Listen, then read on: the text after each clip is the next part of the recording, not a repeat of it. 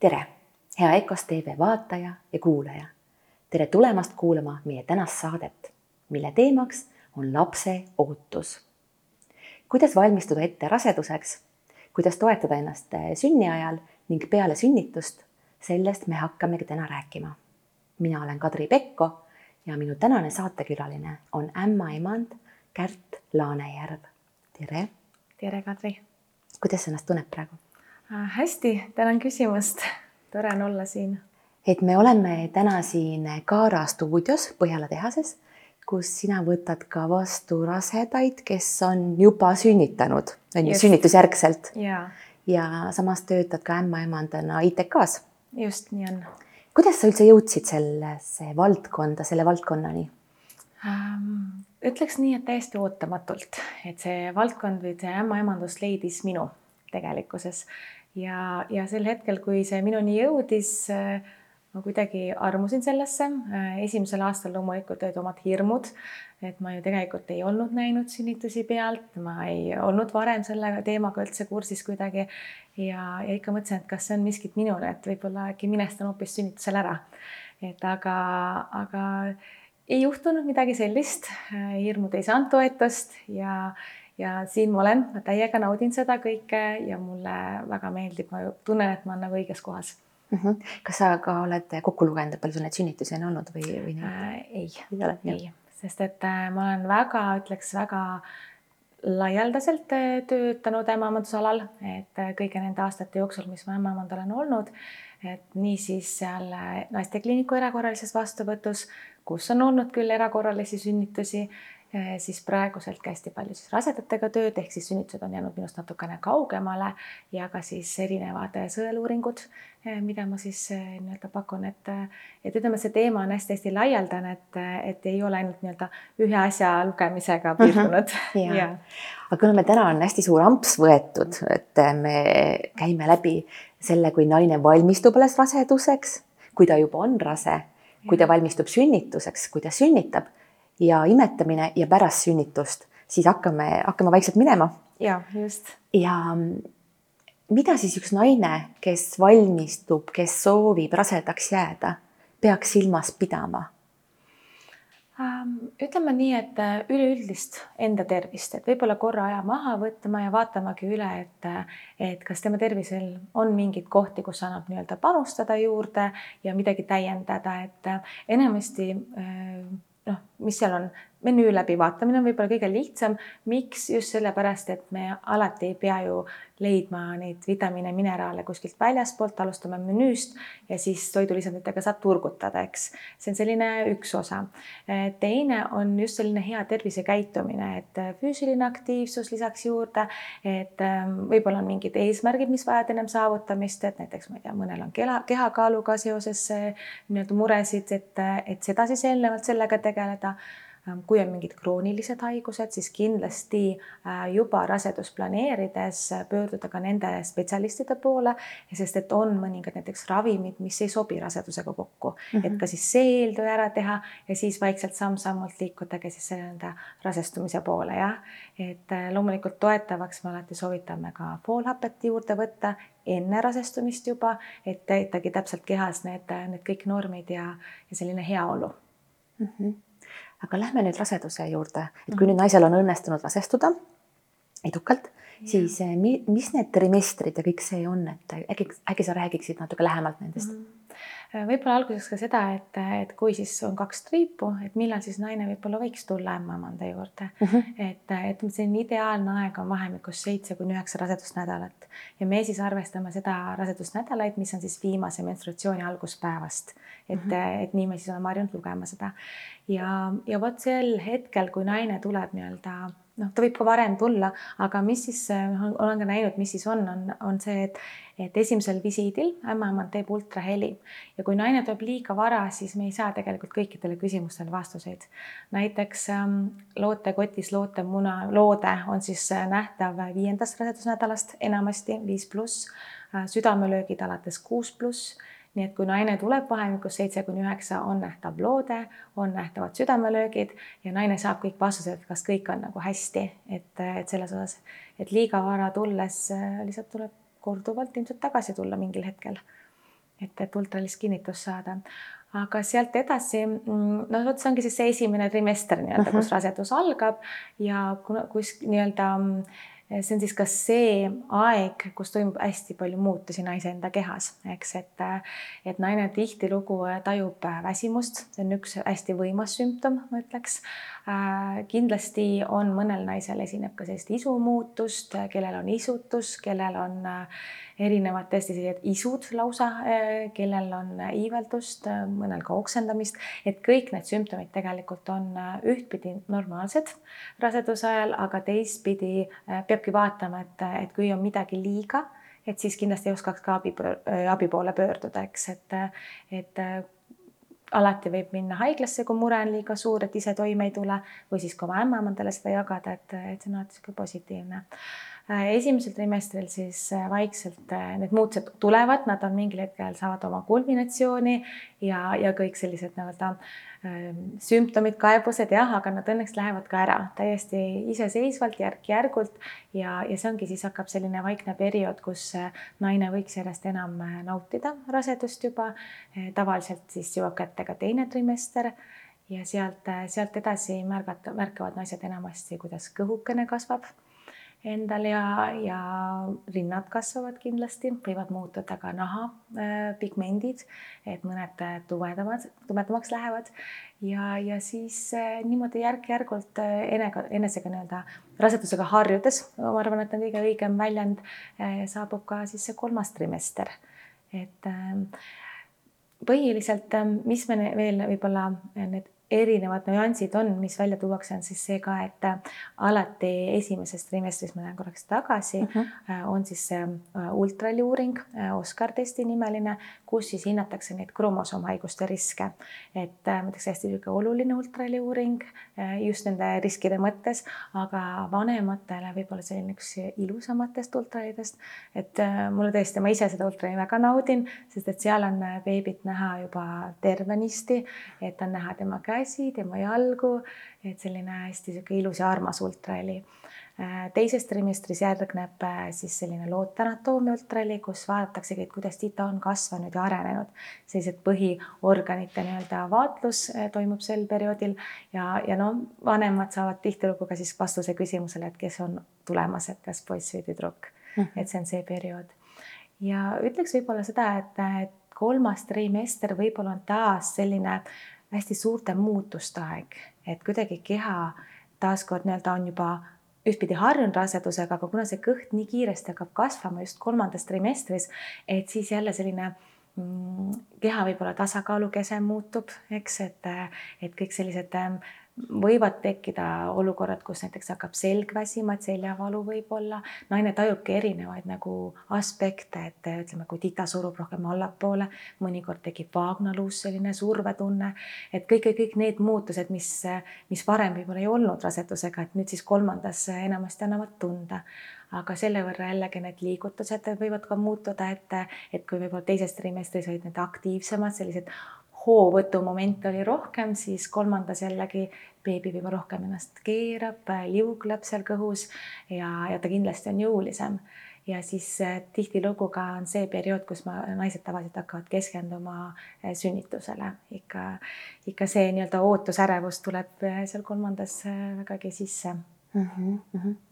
aga sealsamal kaar, Kaaral mm -hmm. on ka äpp tulemas ja kas seal äpis siis samamoodi, et saab neid mis seal äpis siis täpsemalt on? ja Kara äpp võib-olla, miks ta on äh, selline äh, huvitav ja, ja päris, päris ma juba ootan selle väljatulekut, et, et seal noh, üks asi, mis, mis on, on see, et naine saab igapäevaselt pannagi paika oma erinevad sümptomid, kaebused äh, nii-öelda personaliseerida seda jah, et mm, -hmm. et äh, kuidas tal on, et kõik see, kui seda iga päev naine täidab, siis see tegelikult on hästi hea töövahend ka mulle, ämmaemandatele jah, et, et see on võimalik välja võtta selline üldine kokkuvõte ja näha ära, et kuidas siis naisel on näiteks kuu aja jooksul läinud mm, -hmm. et kui sageli näiteks esines peavalusid, kui sageli esines iiveldust, et tihtilugu lihtsalt visiidil noh, alati me ei mäleta, eks, et mm -hmm. kas oli, millal oli ja, ja seal siis selline hea kokkuvõte tegelikult annab päris palju infot. Ja mõnikord, kui näiteks on kasutusel ka mingid ravimid, siis saab sealt ju teha neid seoseid ravimitega, eks, et, et kas enesetundes oli mingeid muudatusi, kas oli mingit paranemist, eks, et see on üks asi.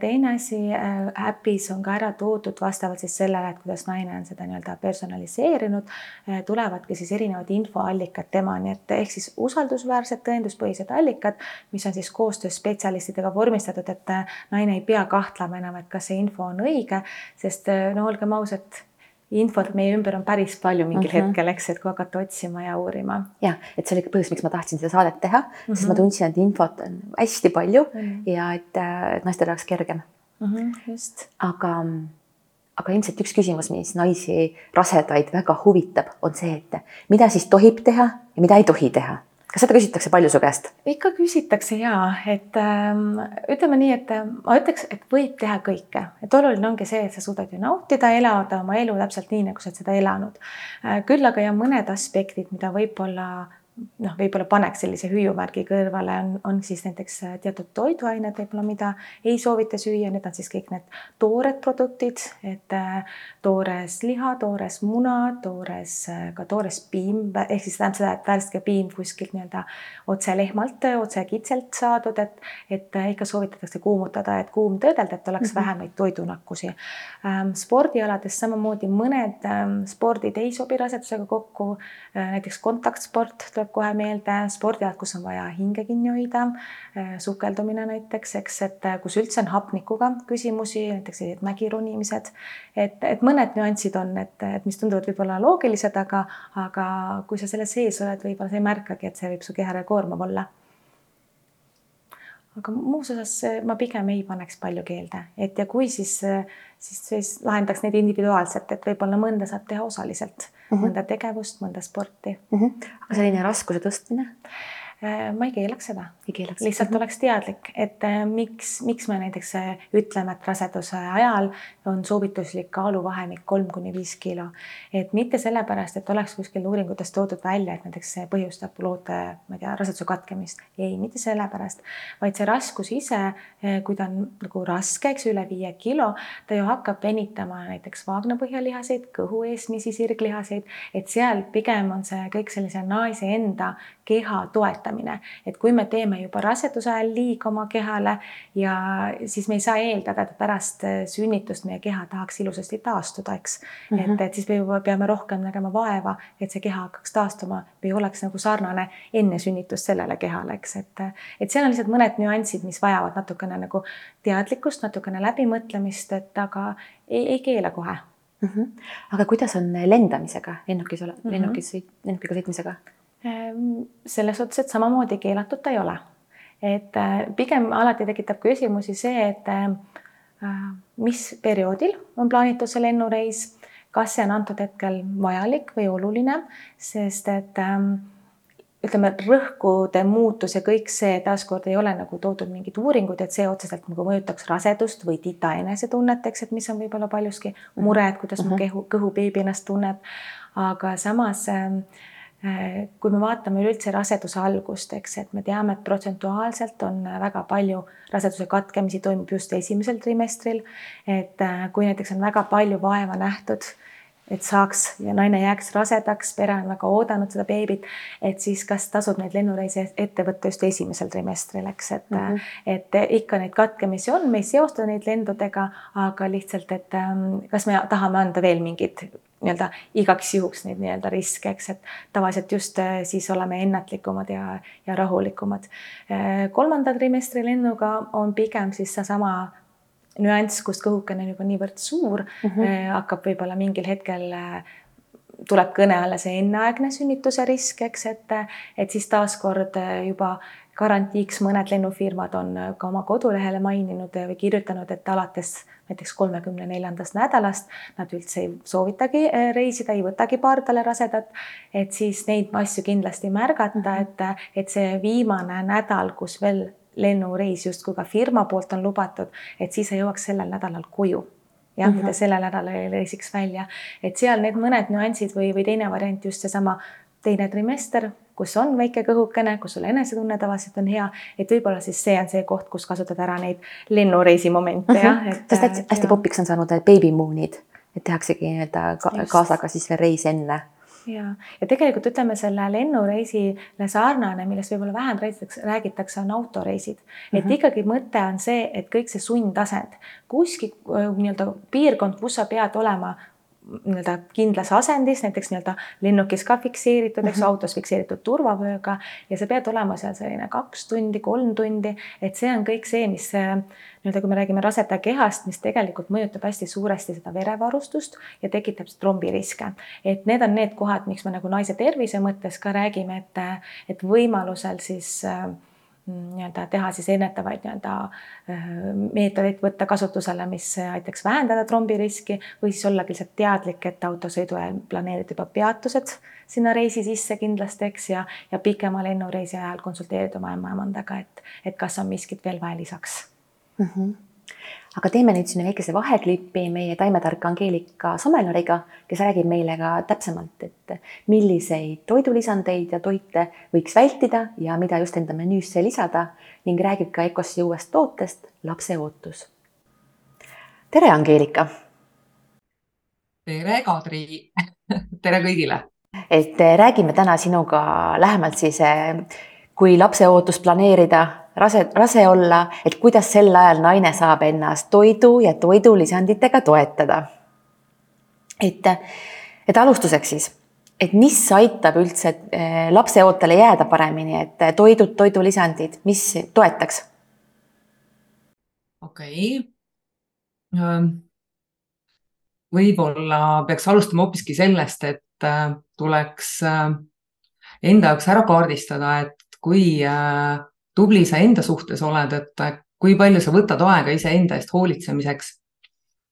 ja see hoolitsemine ei tähenda ainult, et ma panen endale ilusa triigitud seeliku selga, vaid et hoolitsed ka oma vaimse ja füüsilise heaolu eest. sest kui sa suudad äh, enda eest hoolt kanda, siis sa suudad ka teiste eest hoolt kanda ja sa lood nii-öelda endale sellist ruumi, äh, kuhu see laps saab tulla et äh, soovitaks juba no ikkagi varakult alustada oma nii-öelda äh, karika täitmisega ja on selleks siis äh, rasedust toetavad toidulisandid, on selleks unekvaliteedi eest hoolitsemine, on selleks trenn, on selleks metsas jalutamine. Ehk et kõik sageli baseerub ka sellele, et kui hästi sa oskad oma stressi juhtida, et kui hästi sa tuled sellega igapäevaselt toime. mõnda inimest aitab jooga, teist inimest aitab äh, hea raamatu lugemine.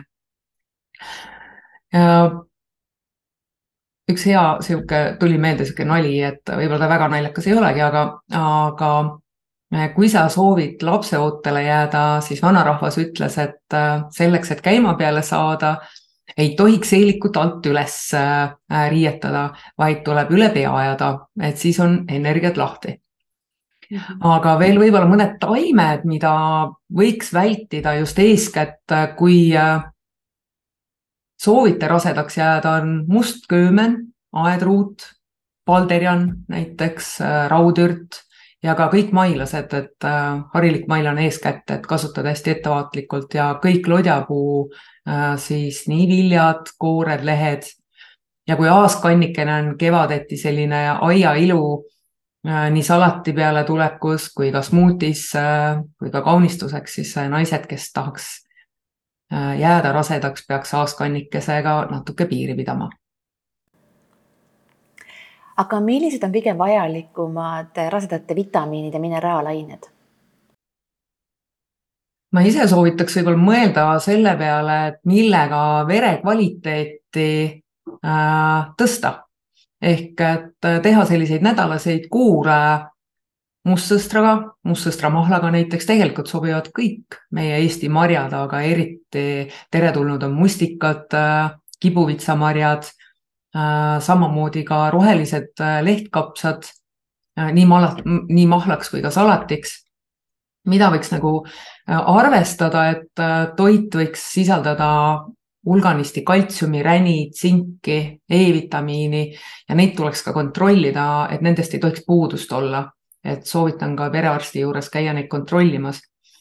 aga sellised põhilised vajaminevad vitamiinid nii rasedale kui ka siis last ootavale emale võiks olla oomega kolm, mis on väga oluline ema ja lapse arenguks.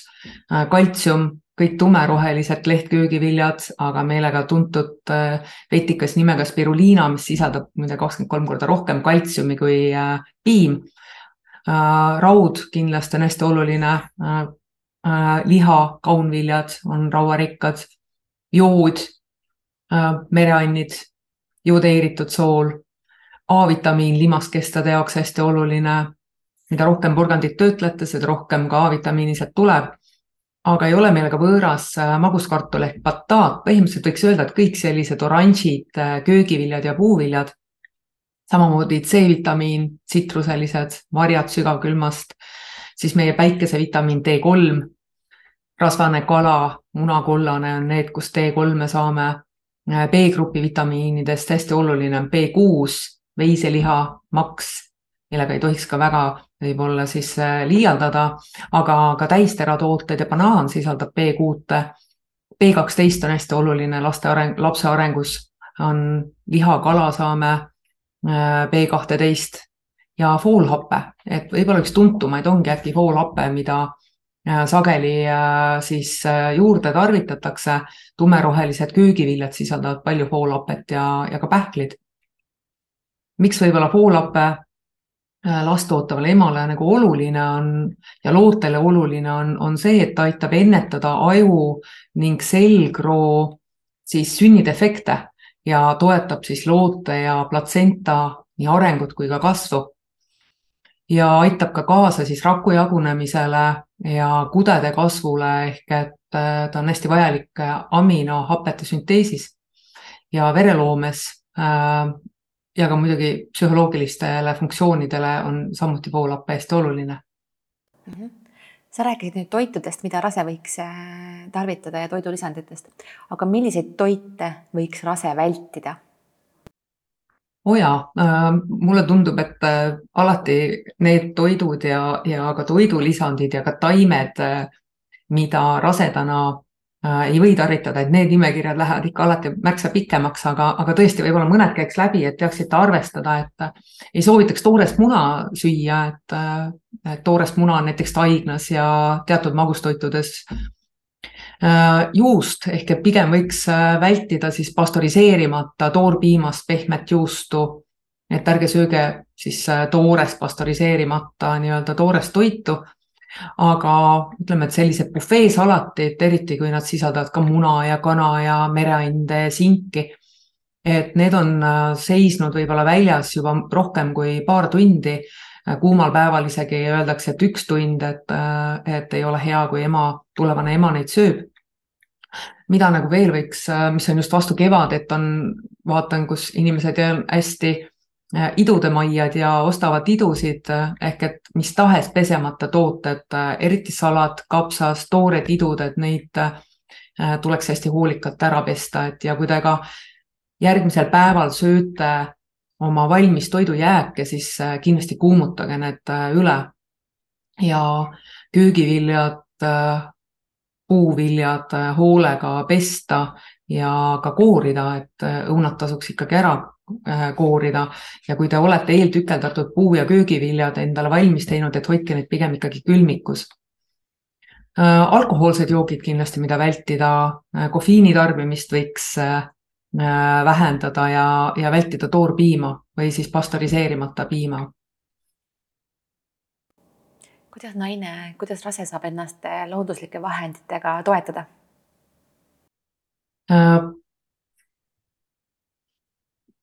Raseduse kulg on äh, naisele hästi individuaalne ja, ja väga selline äh, isiklik äh,. aga tõesti teatud tervise äh, teemad võivad rasedana üles kerkida ja võib-olla tõesti mõned sellised mõtted, et äh, näiteks jalgade tursed, kui naine istub äh, tööl palju või, või on suvine periood, kus jalad lähevadki turse siis on üks viis, kuidas leevendada, on jalavannid. näiteks angervaks meil Eestis kutsutaksegi angervaksa naiste taimeks, aga ka kaselehed, kasepungad, nõgestega teha jalavanne ja samaaegselt näiteks juua selliseid taimi nagu põdrakanep ja, ja ka võililelehtedest tehtud tee aitab tursaid vähendada. praegu hetkel meil on, ei ole suvi, on hoopiski talv, nii et, et talvel Äh, mitte ainult ter-, ütleme, et mitte rasedad, aga ka rasedad võivad äh, külmetusega rinda pista ja, ja siis on ka küsimus, et aga mida rasedana siis külmetuse korral tarvida või mõne viirushaiguse puhul. no väikeste annustega, ütleme, on üks-kaks tassi lühikese perioodi jooksul äh, soovitaks ühe nädala jooksul näiteks päevakübarateed, sibulat, küüslauku süüa Äh, palaviku korral jälle angervaksateed teha, jõhvika, jõhvikamorss, mustsõstralehed, mustsõstramarjad. köha ja palaviku puhul äh, natuke melissiteed, mesiputkeürti. Äh, üheksavägine on hästi minu lemmik, alptee ja meil on aastaringselt saada kuusekasvusid, et soovitan kuusekasvusid kasvõi sügavkülma varuda, kui olete nädalavahetusel kuhugile välja minemas muide vägiheinast ehk üheksavägisest on kõrvapõletiku korral on päris palju head abi. Äh, rasedusharmide profülaktikaks äh, kõhupiirkonna konda on hea määrida taimsete õlidega, võida õlidega näiteks naistepuna või kummeliõli. ja sageli naistel on ka veenivaevuseid, mis äh, jälle angervaks, mähistena, jalavannid, et toetada oma jalgu mis ma olen nagu ise märganud paljudel meie äh, ka klientide hulgas ikka küsitakse, et, et kas teil on midagi, mida rasedana võib kõhukinnisuse korral tarvitada. ja ega sellist ühtset äh, kõigile sobivat äh, nõu ei olegi, et aitab niisugune õige tasakaalustatud toit, kus siis kiudainete rikkus on, on läbi mõeldud ja, ja kasutada toidus palju maitsetaimi, sobivad aed, haraputk, till, apteegitill, köömned, koriander, mida võib-olla vähesed teavad, et muide rasedana ei tohiks tarvitada peterselli. Ehk et peterselli teed ei ole hea juua, aga peterselli natukene garneeringuks kasutada, et see on nagu okei. Okay. et aitavad ka muidugi toidud, mis on palju kaltsiumi, rännirikkad ja, ja et ei unustaks juua vett, et see kipub ka olema, et pange endale veeäpid, et mis tuletaks teile meelde, et kuna jälle juua on vaja muidugi rasedustoksikoos on ka selline teema, mis äh, ei jäta sageli äh, kedagi, kes on sellega kokku puutunud ükskõikseks ja, ja, ja mida siis sel, sellisel puhul nagu süüa. kõrvits hea, hea vana Eesti kõrvits ehk et parem süüa toorelt, teha õunakõrvitsasalatit äh,, äh, panna smuutisse iga päev kõrvitsat, hoiab kõhu väga mõnusalt pehmena äh, kolm korda päevas näiteks teha lühiajaliselt sidrulmelissiteed. Äh, vaarikamarjatee on hea koos kummeliga. Äh, ka münditeed päevasel ajal natukene äh, hoiab ka iiveldust vähemaks ja et iiveldust vähem oleks, võiks vältida ka praetud toite ehk et praetud toidud ei ole kellelegi head, et võimalusel panni peal soojendada toite, aga mitte süüa neid krõbedaks praetuna. aga abi saab kindlasti ka homöopaatilistest ravimitest ja neid võiks siis küsida juba homöopaadilt. olen ka alati soovitanud Bachi õietilkasid, mis on ka head närvisüsteemi toetuseks ja, ja seda saab ka juba hästi individuaalselt, personaalselt läheneda, et millised õietilgad just sinule võiksid sobida mm. -hmm aga kuidas on selliste asjadega nagu näiteks igahommikune sellerimahl? Sellerimahla joomine äh,? igahommikune sellerimahla joomine rasedast peast äh, ei ole kindlasti hea mõte mm. -hmm. et pigem ta peaks olema, et kui teistmoodi ei, ei saa ja väga tahaks, et siis võiks äh, olla ta veega lahjendatud või kurgimahlaga lahjendatud äh,. Need, et me oleme kõik natuke individuaalsed, et ühele sobivad paremini need kobarsoolad, teisele äh, vähem. sellerimahl mõnele inimesele mõjub just äh, maomahlasid äh, nagu toetavalt. et äh, aga millega saab naine ennast toetada enne sünnitust? nädal enne sünnitust võiks lahkliha määrida näiteks naistepunaõliga, aga tasub ka olla natuke ettevaatlik, sest emakale mõjub ta kokkutõmbava mõjuna, samamoodi võiks määrida sama õliga rinnanibusid. enne sünnitamist võiks vältida raskeid rasaseid toite ja ma ikka soovitan, et varuge endale juba selliseid äh, taimi valmis, et teha ürditeed kortslehest, naistenõgesest äh,, hiirekõrvast, kikkaputkest, et neid omavahel segada ja, ja, ja tarvitada siis sünnituse ajal kui ka peale sünnitamist. Äh, kui on naisel hirmutunne, siis võiks kasutada õieteraapiast miimulust ja aspenit või cherry plum tilku äh, alaselga Äh, määrida näiteks soojendatud äh, naistepunaõliga ja, ja ka määrida sellega välissünnitusteed, et see toimub, äh, toimib hästi sellise noh, mõnusa võidena. peale sünnitust nagu asendamatu kindlasti on kortsleht ja kortslehe tee joomine aitab ka haavadel paraneda. piima er, er, er, piima erituse suurendamiseks, kas siis nõgese köömne või tillisöömne või aed apteegitilli või aasristiku tee joomist. nõges on igal, igas mõttes hea võtta, et ta tugevdab ka nagu luustikku, et, et peale sünnitust nõgese teed teha. rinnapõletiku vältimiseks võiks vaadata alati, et rinnad saaks tühjaks pumbatud ja, ja hoida neid soojas ja aitab ka soe teelehe mähis, kui on tekkinud sinna põletik. et kes planeerib juba varakult äh, rasestumist, siis äh, võiks vaadata, kes teie ümber kasvavad, et millised taimed tahavad sinu koju tulla. aga Ecosil on just tulnud äh,, sündinud uus toode, e, lapse ootus. et äh, kas sa räägiksid meile täpsemalt sellest toote sünniloost ja, ja sellest tootest, et mida ta sisaldab äh,? ja äh, kui vaadata, kes meie poole pöörduvad, äh, siis üle poole küsijatest, äh, kes meie nõu soovivad, on kas rasedad või imetavad emad. ja, ja tõesti võttiski aastakene aega, et luua selline äge toidulisand, mis on siis nii last planeerivale, last ootavale kui ka imetavale emale.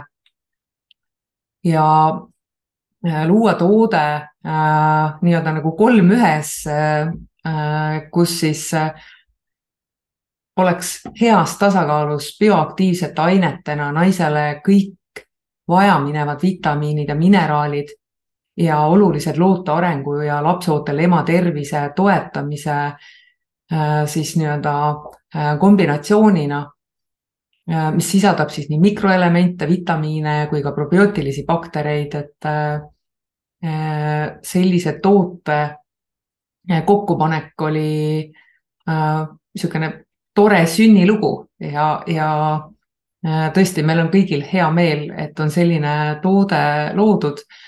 ja kui seda toodet nagu vaadata, siis ei pea selleks rase olema, et sealt toetust saada, aga kindlasti võiks rasedat äh, äh, sellest tootest lugu pidada. aga enne rasestumist juba, kui sa planeerid oma äh, lapse nii-öelda siis äh, rasestumist, et siis võiks selline kaks kuud juba varem alustada selle tootega ja võttagi selline kaks kapslit päevas söögi ajal, ei ka peale sööki. raseduse ajal äh, võiks jagada, et esimene trimester ehk et esimesed kaksteist nädalat äh, jätkata kahe kapsliga kuni kaheteist rasedusnädalani ja, ja teise trimestri kuni raseduse lõpuni äh, tarvitada üks kapsel kuni raseduse lõpuni siis ja imetamise ajal võtta üks kapsel üks kuni kolm kuud, võib-olla teha väike paus vahele, et vaadata, kuidas sul läheb endal ja, ja vajadusel jätkata. et äh, selline see lapse ootuse toode meil on, mis sisaldab äh, mikroelementidest kaltsiumi, rauda, magneesiumi, mangaani, tsinki, joodi, hoolhapet, luteiini antioksüdandina, vaske, seleeni, kroomi, vitamiini A, C, D3, E-d ja K-d samamoodi kõiki B-grupi vitamiine ja baktereid, et äh, selline vägev äh, toode, mis siis toetab naist äh, sellisel väga isiklikul ja tundelisel perioodil ja ajal. Angeelika, kas sa tahaksid lõppu veel midagi öelda meile? kas midagi jäi veel rääkimata? kuigi ilmselt rääkida oleks palju, aga. rääkida oleks palju jah, et et neid taimi, mida ei tohi rasedana tarvitada ja neid taimi, mida võib rasedana tarvitada, see on täitsa selline põnev eraldi peatükk, aga võib-olla ma sellest äkki ei räägiks, aga ütleks lõpetuseks hoopiski seda, et, et kui te lapsele nime planeerite, äh, siis kõigepealt öelge see nimi oma lapsele ja teie kaasa võib ka ikka selle nimepanekus osa saada, aga ärge öelge võõrastele enne nime. et lapse nimi äh, peaks tulema sellise teie poolt antud väega, mis kaitseb seda last eeskätt esimesed kolm kuud ja see ongi tema nii-öelda kaitse ja kui nimi on pandud lapsele, siis alles kutsuge oma sõbrad katsikule ja, ja las kõik rõõmustavad koos teiega ja lapse nime üle. Äh, mõnusat lapseootust kõigile. aitäh. Aitäh sulle, Angeelika, nii palju soovitusi ja mõtteid. aitäh. aitäh. aga lähme nüüd edasi, et ähm, kas midagi on veel, mida raseduse ajast tahaks rääkida, enne kui sünnituse juurde juba lähme mm,? mis ma kindlasti võib-olla soovitan, äh, soovitaks naisel läbi mõelda mm, võib-olla kõik võimalikud äh, ikkagist etapid, et, et niisiis äh, juba jah, raseduse ajal ikkagist teha siis see ettevalmistus ära oma kehaga, et, et ähm, Äh, jah, nii sünnituseks, et äh, mis mind võiks ees oodata sünnituseks, et kuidas ma ette valmistan selleks. Äh, just ja harjutada läbi ka näiteks hingamist kindlasti, et just selline enda keha programmeerimine mm. -hmm hetkedeks, mille, mis võib-olla tulevad nii-öelda nagu ootamatuteks, mida planeerida ei saa. Äh, ka rasedus on see aeg, kus tegelikult äh, mõelda juba imetamise peale või võimalusel teha ka ettevalmistused selleks, eks et uh, -huh. et ei ole see nüüd teema, mida me hakkame õppima võib-olla sünnitusjärgselt, kuigi siis on olemas see teine osapool, kellega koos õppida. ja, ja samuti ka see sünnitusjärgne periood, äh, see on ähm, selline võib-olla mõnikord tuleb ootamatult, et aga see on üks periood, kus taaskord naise keha nii palju muutub, nii suurel määral muutub ja, ja kuna siis on, ei ole nagu sellist võimalust, et naine ainult üksi taastub kuskil, tegeleb oma keha ja oma tunnetega, vaid sel hetkel on juba peres ka kolmas isik, ehk siis ikka väike beebikene, kes vajab oma tähelepanu, kelle nii-öelda ka eluetapis toimub nii palju muudatusi, lisaks veel ka partner muutub kindlasti, et, et see on selline, ütleme, muutuste periood, et, et võib-olla natukene läbi mõelda ka, et võib-olla või arutada peres, et, et kuidas saada olla teineteisele toeks, et, et natukene mingid sellised tugipunktid oleks olemas, et, et ei tekiks päris seda tunnet, et, et ma olen täitsa üksi mm. -hmm aga veel raseduse ajal nagu erinevad beebikoolid ja sellised asjad mm, -hmm. et äh, et need väga aitavad, eks ju, selleks ettevalmistuseks mm, -hmm. et noh, võib-ollagi nii, et võib-olla naine tahab äh, ise uurida, ise vaadata mm, -hmm. aga minu arust need beebikoolid, nad teevad selle elu kõik lihtsamaks. seal on teemad olemas, naised saavad valida, eks tihtilugu just soovitamegi partneriga koos minna igasse loengusse, ei ole nii, et on naiste loengud ja meeste loengud, vaid on kogu pere loengud. et, et on olemas nii-öelda ka personaalseid loenguid, et mm, -hmm. et just need valikud tehagi enda, enda järgi, aga, aga isegi laialdaselt. et kui on just tunne, et tekkis mingil valdkonnas küsimus, et võib-olla siis juba tutvuda selle teemaga, et, et ma väga soovitan neid loenguid absoluutselt mm. -hmm. aga veel ettevalmistus sünnituseks. äkki hakkamegi siis võib-olla konkreetseid soovitusi, sa küll natuke rääkisid mm. -hmm aga need kõik need konkreetsed asjad, et see läbi nagu mängimine ja, ja programmeerimine ja mm. -hmm. et äh, tahes-tahtmata, kui, kui me mõtleme isegi, kuigi see jah äh,, rasedus on ise selline pikk periood, üheksa kuud selline sujuv, siis sellest äh, sünnitus on noh, laias laastus üks päev okei okay,, kellel rohkem, kellel kuidas, aga ütleme, et keskeltläbi võrdluseks jah, et, et aga see on nii oluline mm, -hmm. see jääb meile väga palju meelde, kasvõi kui küsida ükskõik kellelt, oma emalt, vanaemalt, nad kohe oskavad rääkida sünnitusest. kui me küsime endalt, rääkige oma raseduselt, siis seda ei tule infot nii palju, ma ütleks. et ehk siis see ettevalmistus sünnituseks, see tead-, teadvus, teadvustamine jah, et, et see on, on selline ikkagist märkimisväärse tähtsusega.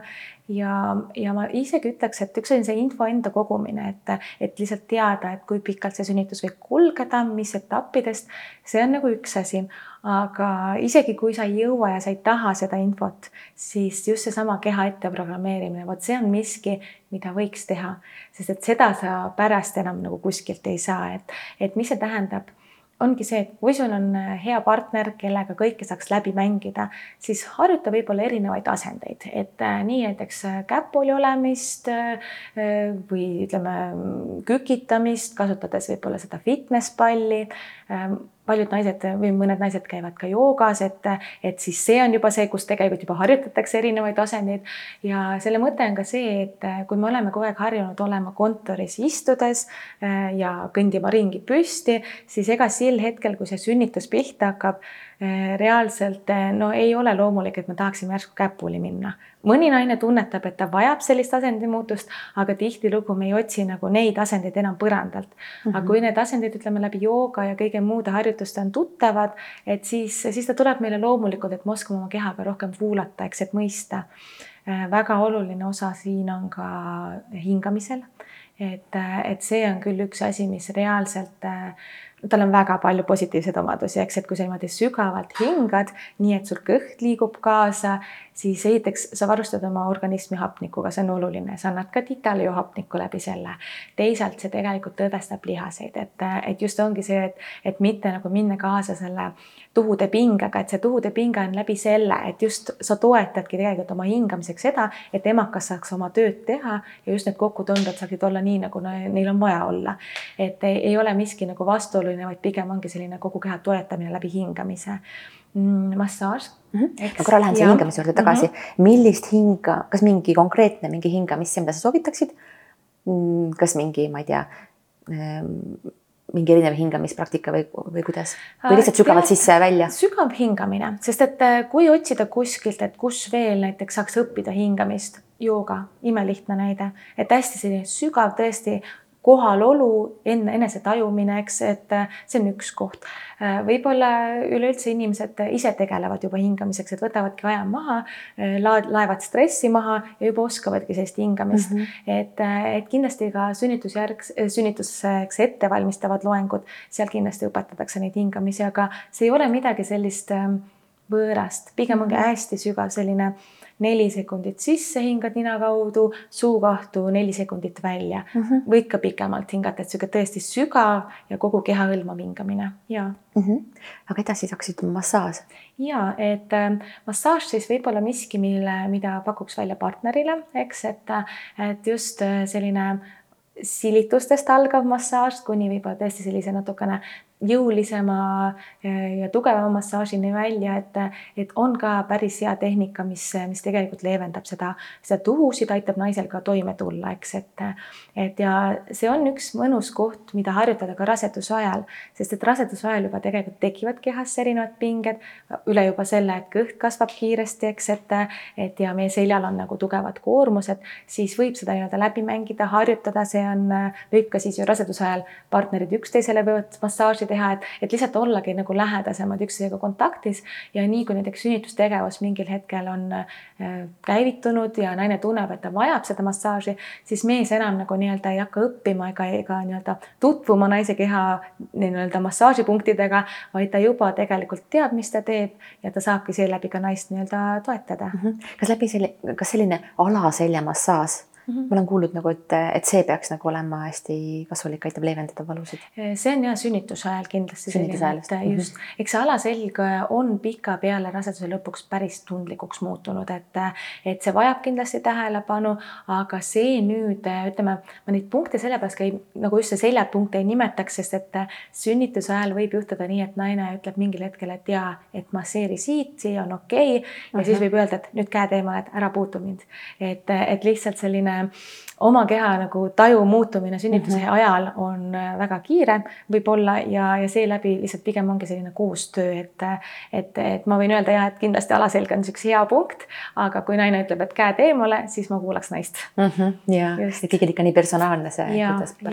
aga jalad, kannad, eks, et ka üks koht, mida siis massaažis äh, silmas pidada mm. -hmm. kas ka mingid hing, äh, hingamist me tõime mingid praktikad veel kuidagi, kasvõi see huulte puristamine või kuidas seda nimetatakse mm, -hmm. mingid sellised asjad? tead, ma ütleks, et siinkohal jah, selline lõdvestav tehnika just, et see võib isegi käib mingil määral massaaži alla. huuli, naised sünnituse ajal pigem ongi sellised nagu om ja uh -huh. välja hingamised, sellised sügavad, eks, et mis ka vibreerivad, annavad sellist lõdvestust, et, et neid kindlasti kasutada. kui on võimalik, siis ka naeru kasutada, et on öeldud ka, et kui inimene naerab ja südamest naerab, siis ta ei saa olla pinges ja eesmärk sünnituse ajal ongi teha neid tegevusi, mis ka alakeha hoiaks pingevabana, eks. et, et kui saad, purista kindlasti oma huultega, kui sa tunned, et hakkab pinge juba tekkima ka ülespoole näkku, eks, et mm. -hmm. naised vist tihti nagu teevad ka mingeid selliseid playlist'e endale, muusikaliste valmis on ju mm. -hmm. see on ka kindlasti hästi toetav ja selline turvaline, see turvaline ruum tekitada. jaa, et see ongi see, et võtta mingil määral, kui vähegi võimalik, see nii-öelda kodu ja kodukeskkond haiglasse kaasa mm. -hmm. et kui on planeeritud haiglas sünnitused, siis kindlasti äh, noh, küünlavalgus, eks mitte siis elav küünlavalgus, vaid LED-küünlad äh,, muusika, siis vastavalt sellele, kas selline mahe vaikne muusika kõlarist või kui naine armastab seda kuulata valjult, siis kindlasti kõrvaklappidega kaasa, et, et just ongi see oma meeleolu loomine. et eks igaüks tunnetab, mis on temale see oluline, et äh, kõik ei ole muusikainimesed, mõni mhm. võib-olla on veeinimene, tahab minna duši alla, nautida vett, eks ju, või vanni et, et lihtsalt leidagi see, mis on, mis on sinu jaoks see mõnus. Ja, ja katsetada neid tõesti raseduse ajal juba nii-öelda nagu viies ennast sellesse harmooniasse vaikselt, eks, et ja kui see on sinule kogu aeg tuttav olnud ja sa võtad selle sünnitusse kaasa, siis see tavaliselt see tuttav tunne nagu ikkagist annab sellist äh, lõdvestust ja niisugust head olla, olemist küll. Mm. -hmm nii, aga kuidas siis see partner ikkagi saab toetada naist nii raseduse ajal, me juba natuke rääkisime, et saab mhm. massaaži teha. Ja si aga sünnituse ajal ka mis sa võiksid soovitada olla meestele? meestele mm,? no põhimõtteliselt lihtsalt ollagi, ollagi selles suhtes olemas, jah, et äh, minu meelest on hästi armas ja selline tore, kui äh, kogu nii-öelda noh, nii mees kui naine, eks ju, kogu pere siis äh, käib selle teekonna läbi koos. eks see raseduse planeerimine on ju tegelikult ühine otsus, siis see raseduse enda etapid, et äh, kuidas see naise keha muutub, võib-olla, mis on ees ootamas, need perekoeloengud, et need kõik ju tegelikult on ju, ongi mõeldud nii-öelda koos äh, käimiseks, koos äh, toimimiseks.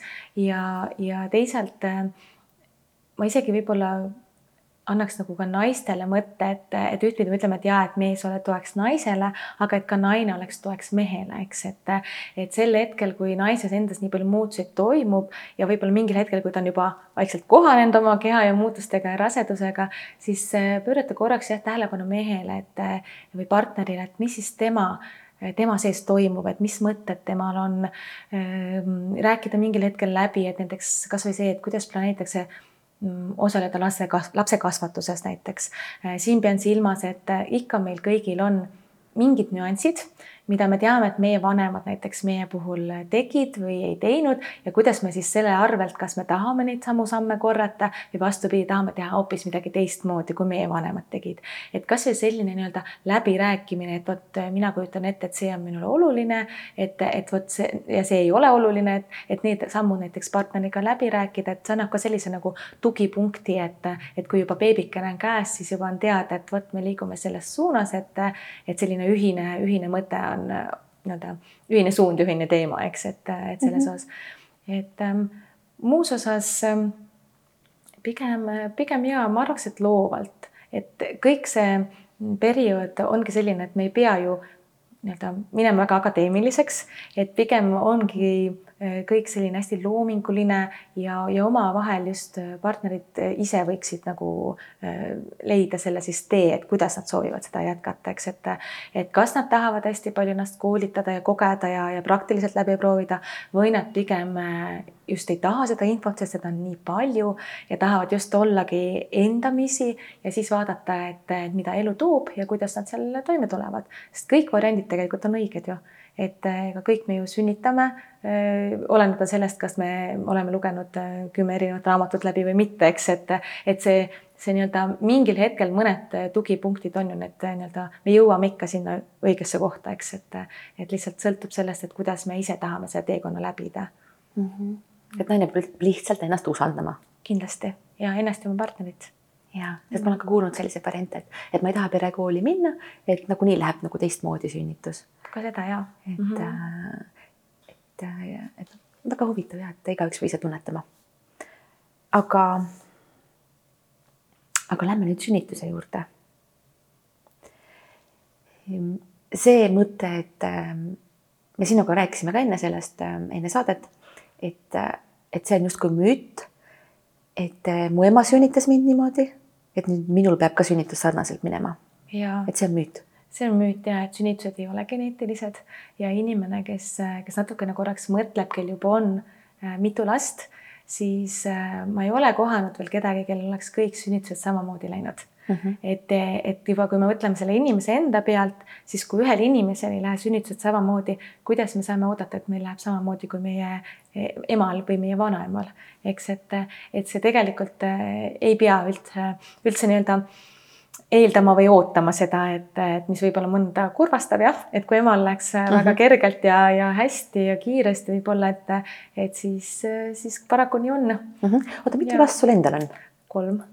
ja need sünnitused on samamoodi olnud erinevad? väga erinevad, absoluutselt ja absoluutselt väga suured kogemused noh, esimesega, esimese sünnituse ja rasedusega ma lähenesin väga uudishimulikult kõigele. et see oli minu meelest nii, nii põnev periood, nii rasedus kui ka sünnitus ise. mõningaid asju ma teadsin, sest et see oli kuidagi noh, nii-öelda nagu kõik läkski nii-öelda raamatu kohaselt või kuidas öelda, et nagu ette teada, et vot nii tuleb ja nii on. aga siis selline üllatus saabus minul endal näiteks tõesti selle, sellel poole pealt, kus, kus, kuidas mu keha reageerib ehk siis ma esimese lapse puhul tõepoolest tunnistan nüüd ära ei olnud ette valmistunud oma keha, et mul oli teooria kõik selge äh,. olin juba selleks ajaks ämmaemand, ma olin ka töötanud ehk siis äh, ma olin ka näinud ju pealt kõiki sünnitusi, et, et justkui oli kõik nagu nii teada, aga see, et kuidas minu keha reageerib antud olukorras ja see, et just seesama ettevalmistus, millest ma ka rääkisin noh, see ei tundunud mulle nagu oluline, ma mõtlesin, et ja, et ma viin oma partneri kurssi, et mhm. oleks tema teadlik, kuidas mind toetada, aga kõik see hingamise pool, ma ei mõelnud sellele ja vot siis ma seda kogesin, et see oli üks koht, mis jäi puudu, kus mul tekkis selline tunne, et aga mis mõttes, ma ei tea, mis mõttes mu keha reageerib niimoodi, et selline ootamatu kogemus, aga selle võrra jälle jällegi selline pärast seda sünnitust tekkis mul selline mõnus tugev enesekindlus, et vot järgmine kord ma teen need asjad paremini kuigi ma ei olnud teadlik, et, et kas ma planeerin üldse lapsi rohkem, aga, aga seda ma teadsin jah, et kui, siis järgmine kord ma teen need paremini. ja nii oli, et teise lapse ootuse ajal ma läksin harjutama hingamist, ma käisin joogas, ma olin hästi teadlik, ma kuulasin oma keha ja ma kohe teadsin, mis on need nagu need punktid või need eesmärgid, et, et kuidas siis see hingamine peaks olema just, et ta nagu, et see kõht kaasa liiguks, et see mind nagu lõdvestaks ja toetaks, eks ja, ja ikka teisel sünnitusel olid omad nii-öelda nüansid, et, et oli ootamatusi, oli asju, mida ei saa ette planeerida, mis ongi tegelikult nii, eks. oli hetki, mis, kus ma näiteks unustasin oma keha kuulata, et jällegi seesama siin ja praegu kohalolek ja kui kellelgi peaks tekkima sellised hetked, siis hästi soovitangi jagada või jaotada oma see nii-öelda see tunne teistele ümbritsevatele, nii ämmaemandale kui ka partnerile, et, et sa ei oleks nagu sel hetkel sünnituse ajal veel ei tegeleks oma nagu nende tunnetega, eks. et sa nagu jagad, et ma tunnen praegu niimoodi või, või kuidas? näiteks, et sa tunned praegu nii või, või, või, või lausa ütled, et ma hetkel tunnen, et näiteks see käib mul üle jõu mm. -hmm. miks ei või seda välja öelda, eks, et, et ja siis tulebki mees toetab või, või ämmaemand suunab näiteks kas, kas mõne nii-öelda asendiga, hingamisega, millegagi veel, et, et sa jälle tuleksid tagasi sellesse fookusesse. et, et see oli minul jällegi järgmine üllatuskoht teise sünnituse puhul, kus ma siis eh, ei, ei öelnud seda välja, aga see on selline nagu tagantjärgi tarkus ja soovitus, eks. ja, ja seevastu kolmas sünnitus, eh, saad aru, ta oli kõige ideaalsem ta lihtsalt, lihtsalt tuli ja läks ja, ja oli see sünnitus, et, et, et ja selle võrra kuidagi tekkis selline äh, nagu selline no, hästi hea tunne, et, et vot, et võivad olla erinevad kogemused ja kuidagi see teadmine, et ma teadsin kogu aeg, et mul teine, teine sünnitus läks hästi, aga kuna kolmas läks tegelikult ideaalselt, kõige kiiremini, kõige ladusamalt, looming, loomulikumalt, et siis ma mõtlesin, et oi, et äkki mul ikka see teine sünnitus ei olnud üldse nii tore, aga, aga noh, see on selline tead mm -hmm. enda sisekõne, nii et, et vot sellised emotsioonid on mul, on mul sünnitustega meeles jah mm. -hmm aga millised need sünnitusfaasid siis täpsemalt on mm? -hmm. kõigepealt, eks see noh, tavaliselt, eks see algabki sellega, et kui sünnitustegevus käivitub. käivitumist siis loeme sellest hetkest, kui hakkavad tuhud, regulaarsed tuhud, emaka kokkutõmbed pihta. ja need siis regulaarsus tähendabki seda, et nad ongi kuskil sagedusega kümme minutit või siis sagedamini. ehk siis enam ei lähe üle kümne minuti pikkuse ja, ja sealt siis hakkabki mängima rolli see sagedus, mis sageneb ja siis see tuhu enda intensiivsus. mõnel juhul käivitub ka sünnitus siis vete, lootevete puhkemisega, aga just seda regulaarset tuhude tegevust me kaotame sinna taha, eks, et, et oleks sellest nii-öelda avanemisperioodist siis saaks rääkida, jah. et see ongi siis esimene periood äh,. avanemisperiood ise äh, kestab siis äh, ikkagist tunde äh,. esmassünnitajal kuus-kaheksa tundi, aga ütleme nii, et tegelikult hästi individuaalselt kõige võib-olla suurem informatsioon ongi see, et see on periood, mis võtab aega ja see on oluline selle jaoks, et emakakael, üks siis oluline organ, saaks rahulikult äh, lüheneda ja avaneda. et, äh, et, et valmistades keha ette selleks, et äh, järgmine etapp on juba beebi sünd. Et ja jah, avanemisperioodi lõpuks emakakael on täiesti avanenud, ma ütleks, et on selline paberõhukene jah, ja, ja me nimetame siis, et kümme senti avatust, sentimeetrit avatust, aga üldiselt siis täis avanenud emakakael ja sellele järgneb siis see väljutusperiood. väljutusperiood taaskord võib aega võtta pool tundi, võib aega võtta neli tundi, et ta on selline ka määratletud isegi tundides, ta on loomulik selline, kui on neli tundi, kolm-neli tundi see väljutust ja sellel perioodil lihtsalt laps vaikselt nii-öelda väljubki siis läbi sünnitusteede emakast jah. et ja siis, kui laps on käes, ma ei tea, kui täpselt sa tahad, et ma kirjeldaksin, kuidas lapsekene väljub, et et aga üldiselt siis äh, jah, väljutusperiood on siis ka ju see periood, kus äh, ämmaemand suunab tavaliselt, et kas siis äh, aidata oma hingamisega kaasa, et, et laps liiguks rohkem väljapoole või siis kasutatakse seda pressimismeetodit, et, et need variandid on siis selles etapis. ja pärast sündi, kui lapsekene on juba sul käes kõhu peal, siis tegelikult sellega sünnituseks ei lõpe, vaid sinna tuleb, et järgneb veel päramiste periood. see tähendab, et sünnivad ära nabaväed, platsenta, eks ju, lootekestad, et, et siis emakas on justkui nii-öelda täiesti tühi. et, et seda tegelikult naine võiks ka teada, et, et see on selline mm,, kuidas ma ütlen me ikkagist väga palju tunneme seda, et justkui tekib selline tunne, et, et kui lapseke on kõhu peal, et selline puhkuse moment, et oh, kõik tehtud siis pool tundi umbes naised kosuvad ja vot siis korraks selline platsenta sünnitamine ka veel, et, et siis on tegelikult juba võib hakata vaikselt taastuma, et, et selline, selline jah, on see sünnitus ise mm. -hmm.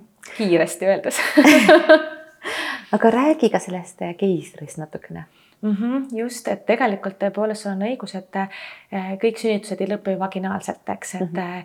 et võivad, ütleme, vaginaalsele sünnitusele tegelikult võib ka lisada, eks ju, vaakumsünnitus, et kus siis äh, millegipärast äh, laps ei välju sünnitusteedest võib-olla nii kiiresti, kui on vaja, võib-olla olukord läheb natukene kriitilisemaks äh, lapse tervisest sõltuvalt näiteks, et siis abistatakse vaakumiga, eks, beebit väljapoole.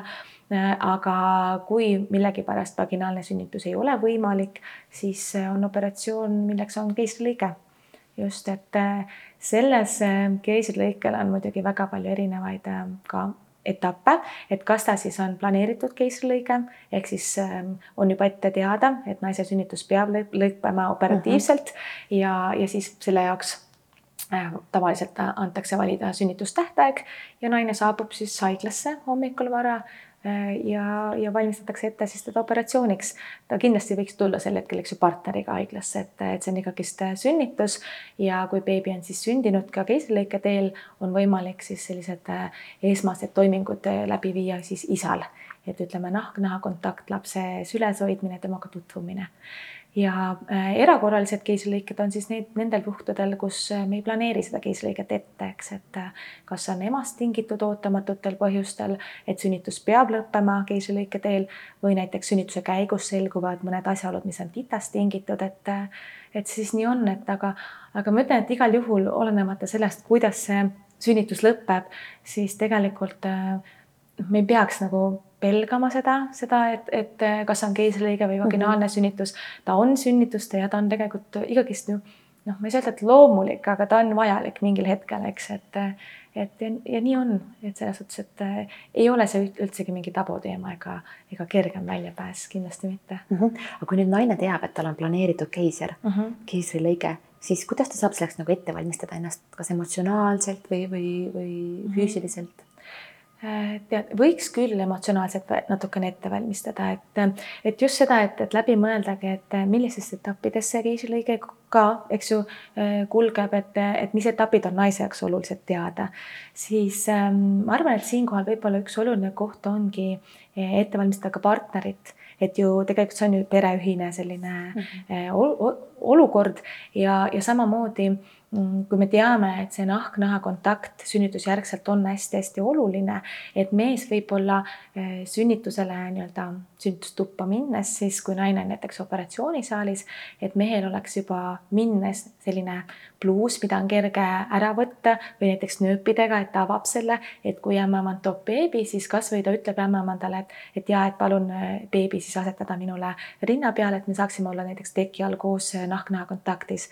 et minu meelest see on selline mõte, mis võib-olla natukene vajab läbimõtlemist, sest esimese hooga uute vanematena, kui sa saad selle beebikese omale kätte, ta on ju nii pisikene, et kuidas seda beebit hoida, kuidas omale ise panna.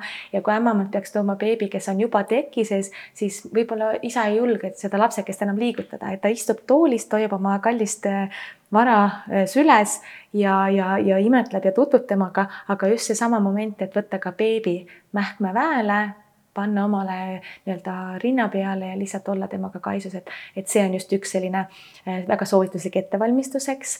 Ähm, naisele endale ma pigem arvan, et, et ähm, just seesama usaldus, eks ju, personali vastu ja, ja teadlikkus, et, et vot sellel hetkel, kui mina olen siin, siin on ju, et siis, kus on mees, eh, mis toimub, millal ma, mis toimub just eh, keisrilõike järgselt, et millal ma näen oma beebikest, millal ma näen oma partnerit.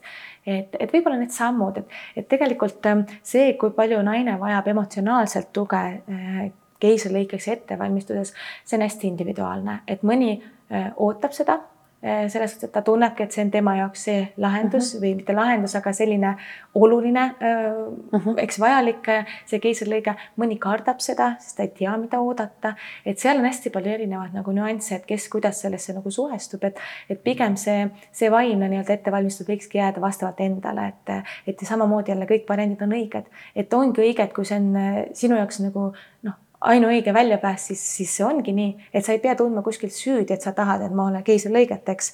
et ja vastupidi, kui sa ei taha seda, see on ka nagu õige, aga kui sa tead, et see on sind ees ootamas, siis lihtsalt teha rahu sellega, et, et jah, ma eelistan ja ma valiks iga kell, ütleme vaginaalse sünnituse, aga ma teen rahu, sest ma tean, et see on ju hea eesmärgi, märgi nimel, eks, et see mm -hmm. operatsioon ei ole kunagi esmane valik, et ta on ju mm -hmm. ikkagist millegi jaoks mm. -hmm. aga kui on olnud see vaginaalne sünnitus kas siis ka nagu ütleme, emaga on eh, see nahk-naha kontakt? Aga mehega siis samamoodi või kuidas äh,? siis tavaliselt sünnitustoas, kui ema on olemas, siis äh, enamasti on emaga.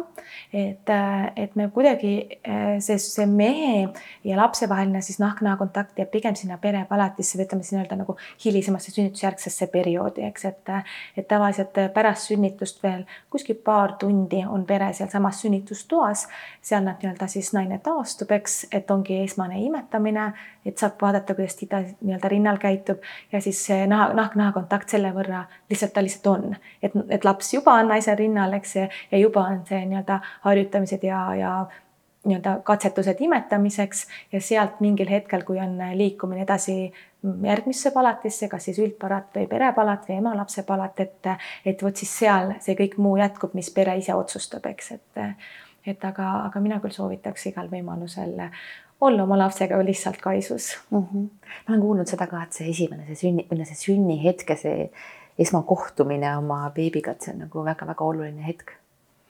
kindlasti, kindlasti, et ähm, iseasi jah, kui palju see nagu meelde jääb, aga, aga see on ju eriline tegelikult, et sa näed äh, uut äh, inimest, äh, kes on üheksa kuud, keda sa oled oodanud.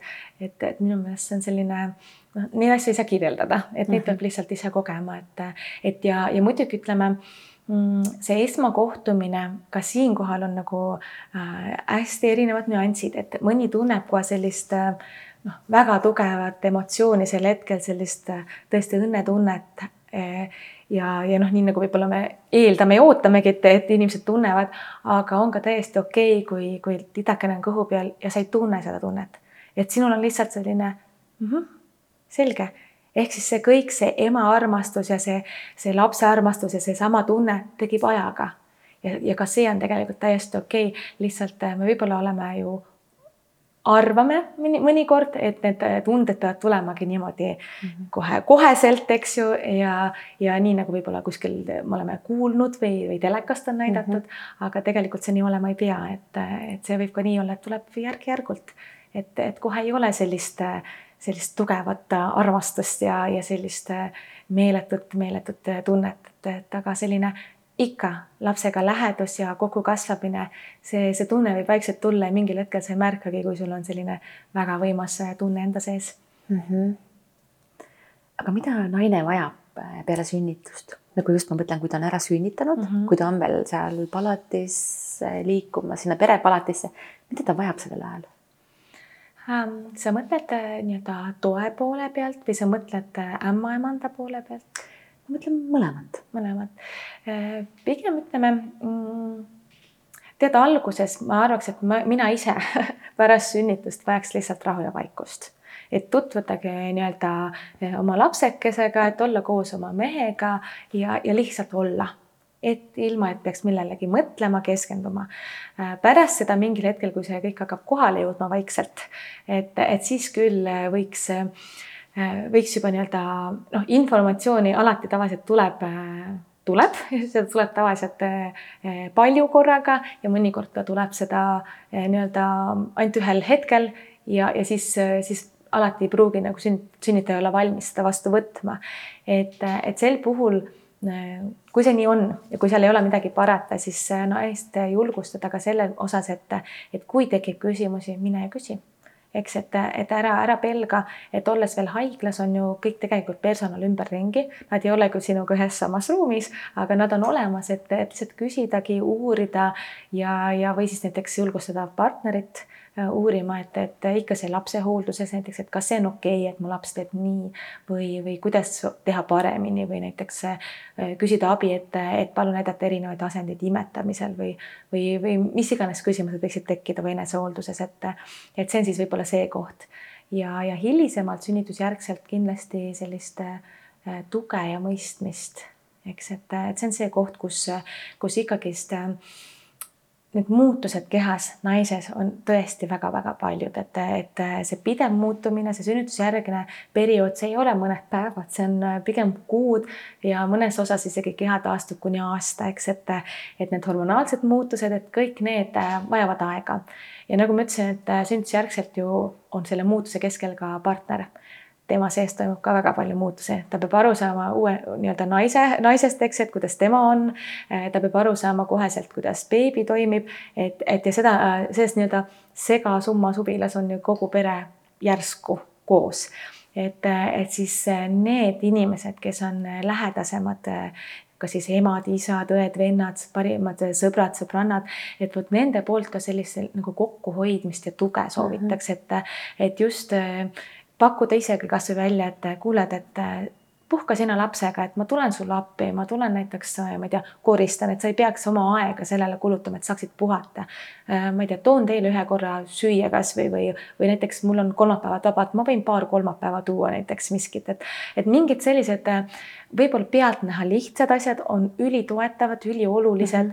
-hmm. võib-olla seesama pere, kes on just, just saanud uues nagu emaks või isaks, eks, et, et uus, uus ilmakodanik on sündinud, nad ei märkagi võib-olla seda küsida ja võib-olla pelgavad isegi nagu rääkida sellest, et, et siis, siis anda ja lähedastele teada, et, et nüüd on see aeg, kus pakkuda toetust. alati ei ole selleks toetuseks informatsioon, et kust tullakse õpetama tavaliselt võib-olla meie enda emade poolt, et kuuled sa mina tegin nii oma omal ajal, vaid pigem just see teine pool, et, et just see elulisem pool, et, et küll pere saab ise hakkama oma beebiga, et, et usaldadagi, nemad on vanemad, nemad teavad kõige paremini, kuidas perele, kuidas lapsele hea, eks. aga just see teine pool, mis, mida saab teha, ilma et peaks küsima luba, ma ei tea, pesu pesemine, koristamine, eks ju, söögi tegemine, lihtsalt olla näiteks seltsiks, et, et kuule, et sa mine käi duši all, ma hoian natukene titakest, et midagi sellist, et see oleks hästi-hästi kindlasti tänuväärt mm. -hmm. praegu sa rääkisid sellest neljandast trimestrist.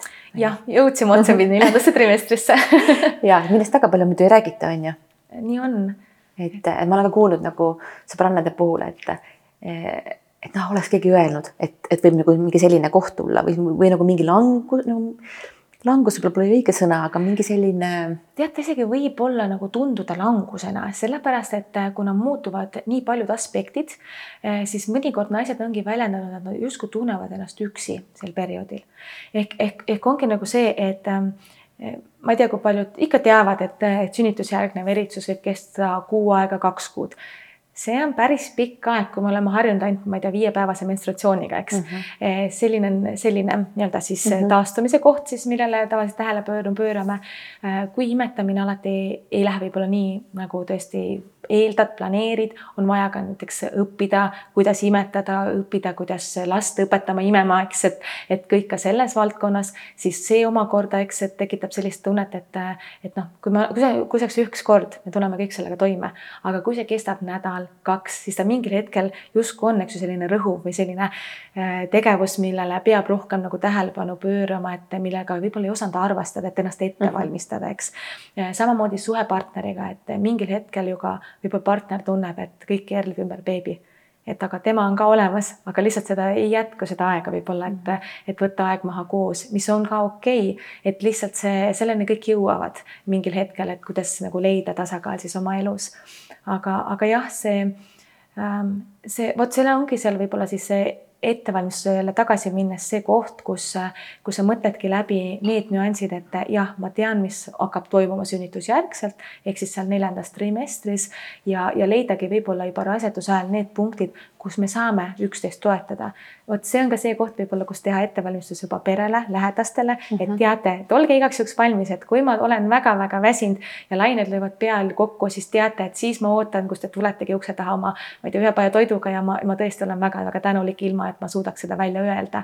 eks, et, et võib-olla see koht juba, et nagu vaikselt ette valmistada, et kogudagi need tähtsad inimesed oma ümber ja võib-olla seda ei tulegi, võib-olla seda kordagi ei ole vaja mm, -hmm. aga vähemalt sul on see teadmine, et sul on oma turvaline ring ja sul on need nii-öelda variant B ja C olemas, eks, et, et ja ka mhm. ja partneri poolt samamoodi, eks, et, et, et just see läbirääkimine ja ka temal oleks nagu need kohad, kus saaks ennast maha laadida, eks, et et vot sellised mõtted sinna neljandasse trimestrisse mm. -hmm. tead, mul korra tuli üks nagu küsimus, mida ma ei küsinud enne, aga just nagu sünnituse ettevalmistus, ettevalmistuse ajal et äh, Tuula, kas, äh, kas või miks võtta endale äh, sünnitoetaja mm? -hmm. tead, minu meelest Tuula on üks imeline inimene et selles suhtes, et, ähm, et kui sa, kui sa leiad endale selle õige mm -hmm. Tuula, et ähm, see, kas võtta, sõltubki jälle naisest, eks, et millise tüpaažika sa oled.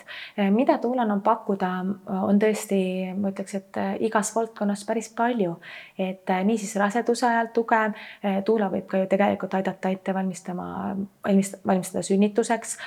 kui näiteks naine tahab olla võimalikult kaua kodus sel hetkel, kui sünnitus juba algas, siis ka seal võib ta saada abitoetust Tuulalt.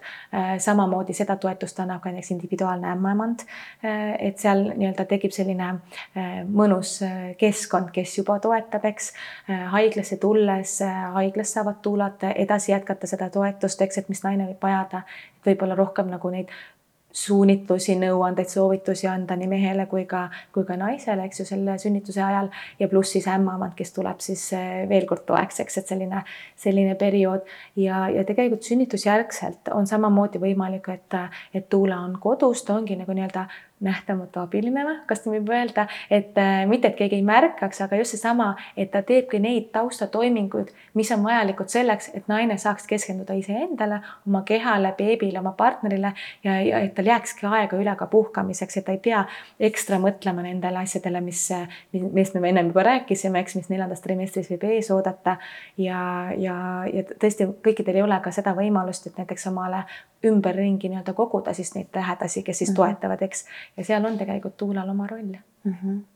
aga, aga pärast sünnitust naine peab käima kontrollis või kuidas sellega on? ma olen kuulnud, et välismaal, vähemalt äh, mõndades riikides on nagu selline, et nad käivad, ämmaemandad käivad kodu, koduvisiite teevad mm -hmm. mitu korda Eestis seda ei ole, on ju? Äh, Eestis praegu ähm, Kara seda arendab nii-öelda, mhm. et me ikkagist pakume naistele võimalusi küll, et kui naine tunneb, et ta soovib ämmaemandat endale koju, et kas siis hinnata tema tervist, äh, on võib-olla mingeid küsimusi seoses taastumisega, äh, imetamisega, beebihooldusega, et see on ikkagi see koht, kus tõesti võib ämmaemandat enda juurde oodata, eks, et ja, ja siis peab ise ta nii-öelda leidma, sõnastaks nii.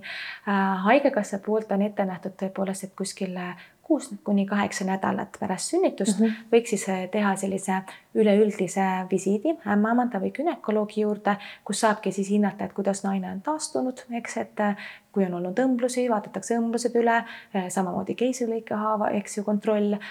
kui on mingeid küsimusi, muresid, saab ka rääkida näiteks vahekorrast, kui veel pole seda toimunud, eks, et kas on mingeid küsimusi ja, ja see on ka see periood, kus kindlasti räägitakse rasestumisvastastest vahenditest, eks, et, et nii kui tegelikult laps on ära sündinud, mingil hetkel taas rasedus tuleb aktuaal, muutub aktuaalseks, eks, et siis, siis ka see on see koht, kus kindlasti mõelda ja rääkida, et, et kas on mingit vahendit kas üldse naine soovib mingit vahendit, kas on -hmm. mingi vahend, mis tema soovidele vastab, et mis sobib nii imetamise ajaks kui ka, kui ka edaspidiseks, eks, et, et ja sealt edasi mm, täpsustavad nii-öelda küsimused, et see on siis see, see pool, mis nii-öelda haiglas võiks toimuda, eks, et aga, aga need koduvisiidid, nendel tegelikult selliseid piiranguid ei ole et pärast sünnitust eh, siis eh, ämmaemandad ja jälgivad, eks ju, naisi ja samas ka see jälgimine toimub koostöös perearstidega, et, et juba kohe pärast lapse sündi tegelikult soovitame naistel teada anda perearstile,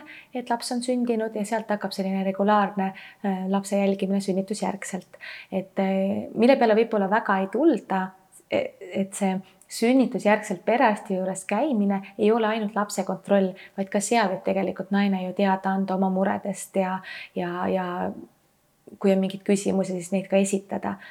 kuigi tõepoolest ma ikka julgustan seda, et, et on ka ämmaemand siis sünnitusjärgselt rohkem olemas ja, ja ikka võib ka iganädalaselt või, või paari nädala tagant eh, esimese eluaasta jooksul igal ajal kutsuda ämmaemanda endale koju, et, et siin ei ole taaskord mitte mingeid piiranguid mm. -hmm. Aga räägime veel imetamisest ka. ja mis on see küsimus, mida kõige rohkem sinu käest küsitakse selle kohta um,? vot ma arvan, et siin ei olegi küsimust, siin ongi küsimuste pakett isegi et, et kui naised tulevad äh, imetamise nõustamise kabinetti, siis enamasti need tulevadki tõesti mingi murega. kas on mure lapse kaalu osas, kas on mure selles, et kas mul näiteks jätkub piima, et seal need ongi pigem selline mm, pakett jah, ütleks niimoodi, mida, mida siis vaikselt äh, ämmamandad hakkavadki nii-öelda imetamisnõustajatena lahkama, eks, et, et, et vaatama, kuidas siis titakene kasvab, kas on mingid nii-öelda sealt edasi mingit mure selle koha pealt ja, ja kuidas siis seda aidata äh, ilmselt siin juba selgus, et see imetamine alati ei ole nii loomulik, võib-olla kui pealtnäha tundub, et nii kui laps on olemas, et mul on laps, mul on rinnad, et hakkame siis pihta. et, et tegelikult ähm, see võib niimoodi minna, ei pea nüüd kõike ära ehmatama, et imetamine on, on raske, aga võib ka nii olla, et, et lihtsalt äh, võtta see aeg maha ja olla lihtsalt teadlik, et imetamine on justkui nagu õppeprotsess.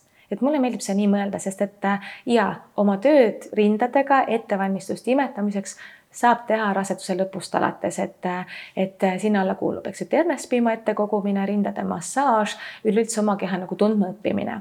aga sel hetkel, kui laps on käes, on olemas ka nii-öelda pusle teine pool, ehk siis saabki vaadata, et kuidas laps, kuidas minu laps nüüd rinnal mhm. käitub mm. -hmm. lapsed on erinevad.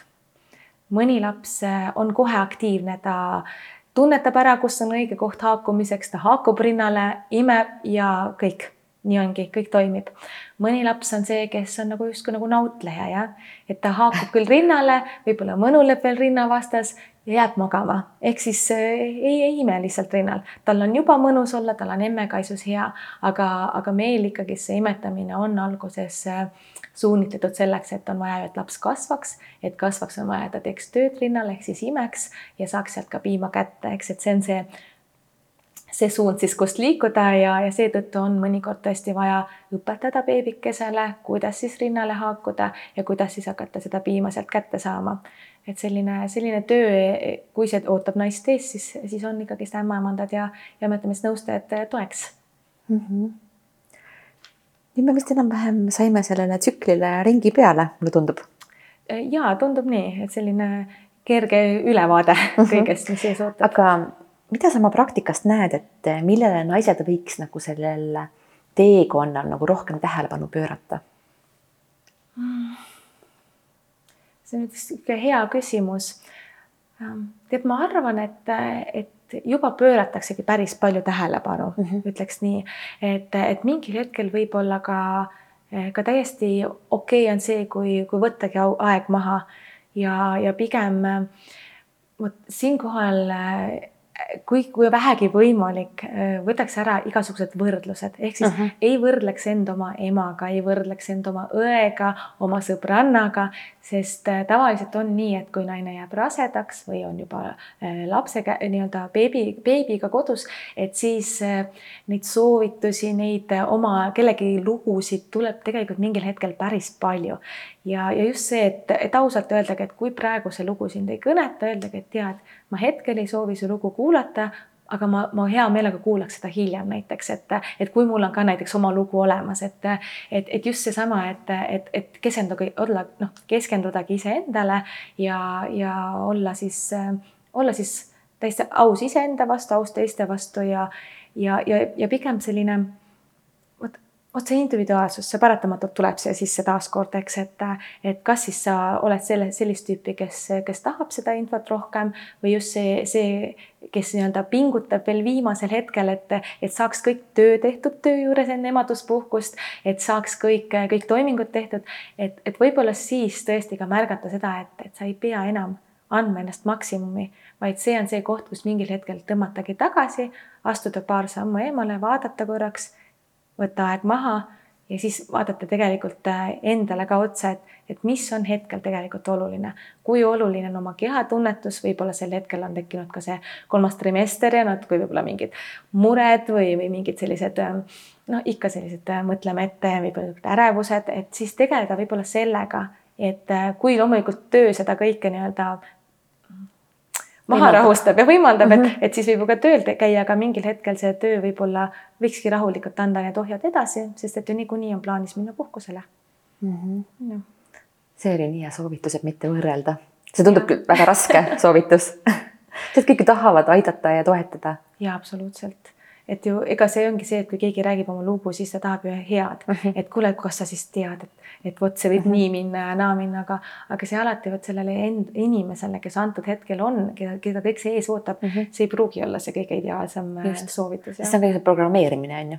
ikka, ikka absoluutselt mm. -hmm. me ju teame ikka, et, et võivad olla erinevaid nii-öelda negatiivseid variante, et, et haiguseid ja mis kõik, aga kas me peame sellele keskenduma alati mm, -hmm. eks, et, et ja pigem, pigem ongi seesama ka, et, et ei muretseks ette, et need, kes nüüd nagu, kellel on need mõtted peas, et oi, et aga võib juhtuda nii või nii mm, -hmm. et just ei muretse ette, ei mõtle ette, ei planeeri ette, vaid tegeleda nende asjadega siis, kui nad reaalselt kätte jõuavad sest kõik mured ei jõuagi kätte, mõnikord ei tule ühtegi mure, eks, et siis pole mõtet nagu ennast juba kuidagi jah, programmeerida või nii-öelda endast välja viia sellega, et aga äkki mm, -hmm. aga äkki ei tule Mm -hmm. eks, et võib-olla ka see mõttekoht, et, et kui juba tunned, et mõtteid liiga palju peas, siis jällegi tee korraks paus, vaata, kus sa saad neid mõtteid natukene lahendada ja kas sa pead kõigega just praegu tegelema mm. -hmm. lõpetuseks, kas on midagi, mis jäi veel rääkimata, midagi olulist mm.? tead, ma arvan, et meil põhilised punktid said räägitud, äh, võib-olla just julgustakski siis äh, äh usaldama iseennast ja oma partnerit, naisi ja, ja, ja samamoodi, et, et teada, et tegelikult äh, me ämmemandad, me ei ole ainult olemas nii-öelda sünnitusel, vaid me oleme olemas ka pere planeerimisel, me oleme olemas raseduse ajal, sünnitusel, sünnitusjärgselt ja see periood ei ole ainult nii-öelda lühikene, vaid täpselt siis, kui naine tunneb, et tal on meid vaja, siis, siis me oleme ka olemas mm. -hmm aga tead, mul on sulle lõpetuseks, üllatuseks paar kiirküsimust ka. Neid ma sulle ette ei öelnud, aga ma küsin siis äh, neli küsimust su käest. Üks soovitus naisele raseduse ajaks mm.? ma arvan, et see on see, mis kunagi ära ei kulu, on äh, palun tarvita foolhapet või folaate nii nüüd teised, teistel teemadel küsimused. kui sa oleksid taim, siis milline taim ja miks? tead äh,, ma praegu vaatan seda taime su selja taga midagi sarnast võib-olla, aga midagi suuremat. ma tunnen, et ma tahaks olla hästi suur taim, et ilmselt kuskil siis vihmametsas järelikult, et ma, et ma nii-öelda mm, tead, ma praeguselt võib-olla tunnen ennast niimoodi, ega see ei ole alati, aga just, et ma ulatuksin natuke nii-öelda kaugemale, saaksin äh, ära katta need osad, ütleme, või, või taimed, kes ei vaja nii palju päikest ja samas äh, näha, näha kaugusesse. Et kuidagi praegu on selline tunne et sellist suurt pilti? jah. mis hoiab sind tervena nii füüsilise kui vaimse heaolu juures um,? ma tahaks öelda, et minu mõttemaailm et, et sellest ju kõik algab, et kuidas ma millessegi suhtun ja, ja kuidas ma midagi tunnetan, et et ja kui ma miskit vajan, siis see hakkab ju ka minust seest pihta ja siis ma sinnapoole liigun. Kui sul oleks võimalik valida üks supervõime, siis milline see oleks? oi, see on alati nii keeruline küsimus ma imestan inimeste, kellel on kohe see vastus olemas um,. tead, praegu tunnen, et ma tahaks ajas rännata ja et see oleks päris põnev avastada maailma nii nagu, nagu me pole seda tegelikult kogenud mm. -hmm. vot. nii ägedad vastused aitäh sulle, Kärt. aitäh, Kadri. Väga palju informatsiooni, ma loodan ja usun, et see toetab naisi ja ka partnereid, mehi, kes kuulavad. et äh, ja ka aitäh sulle, kallis äh, vaataja ja kuulaja. ja uute kohtumisteni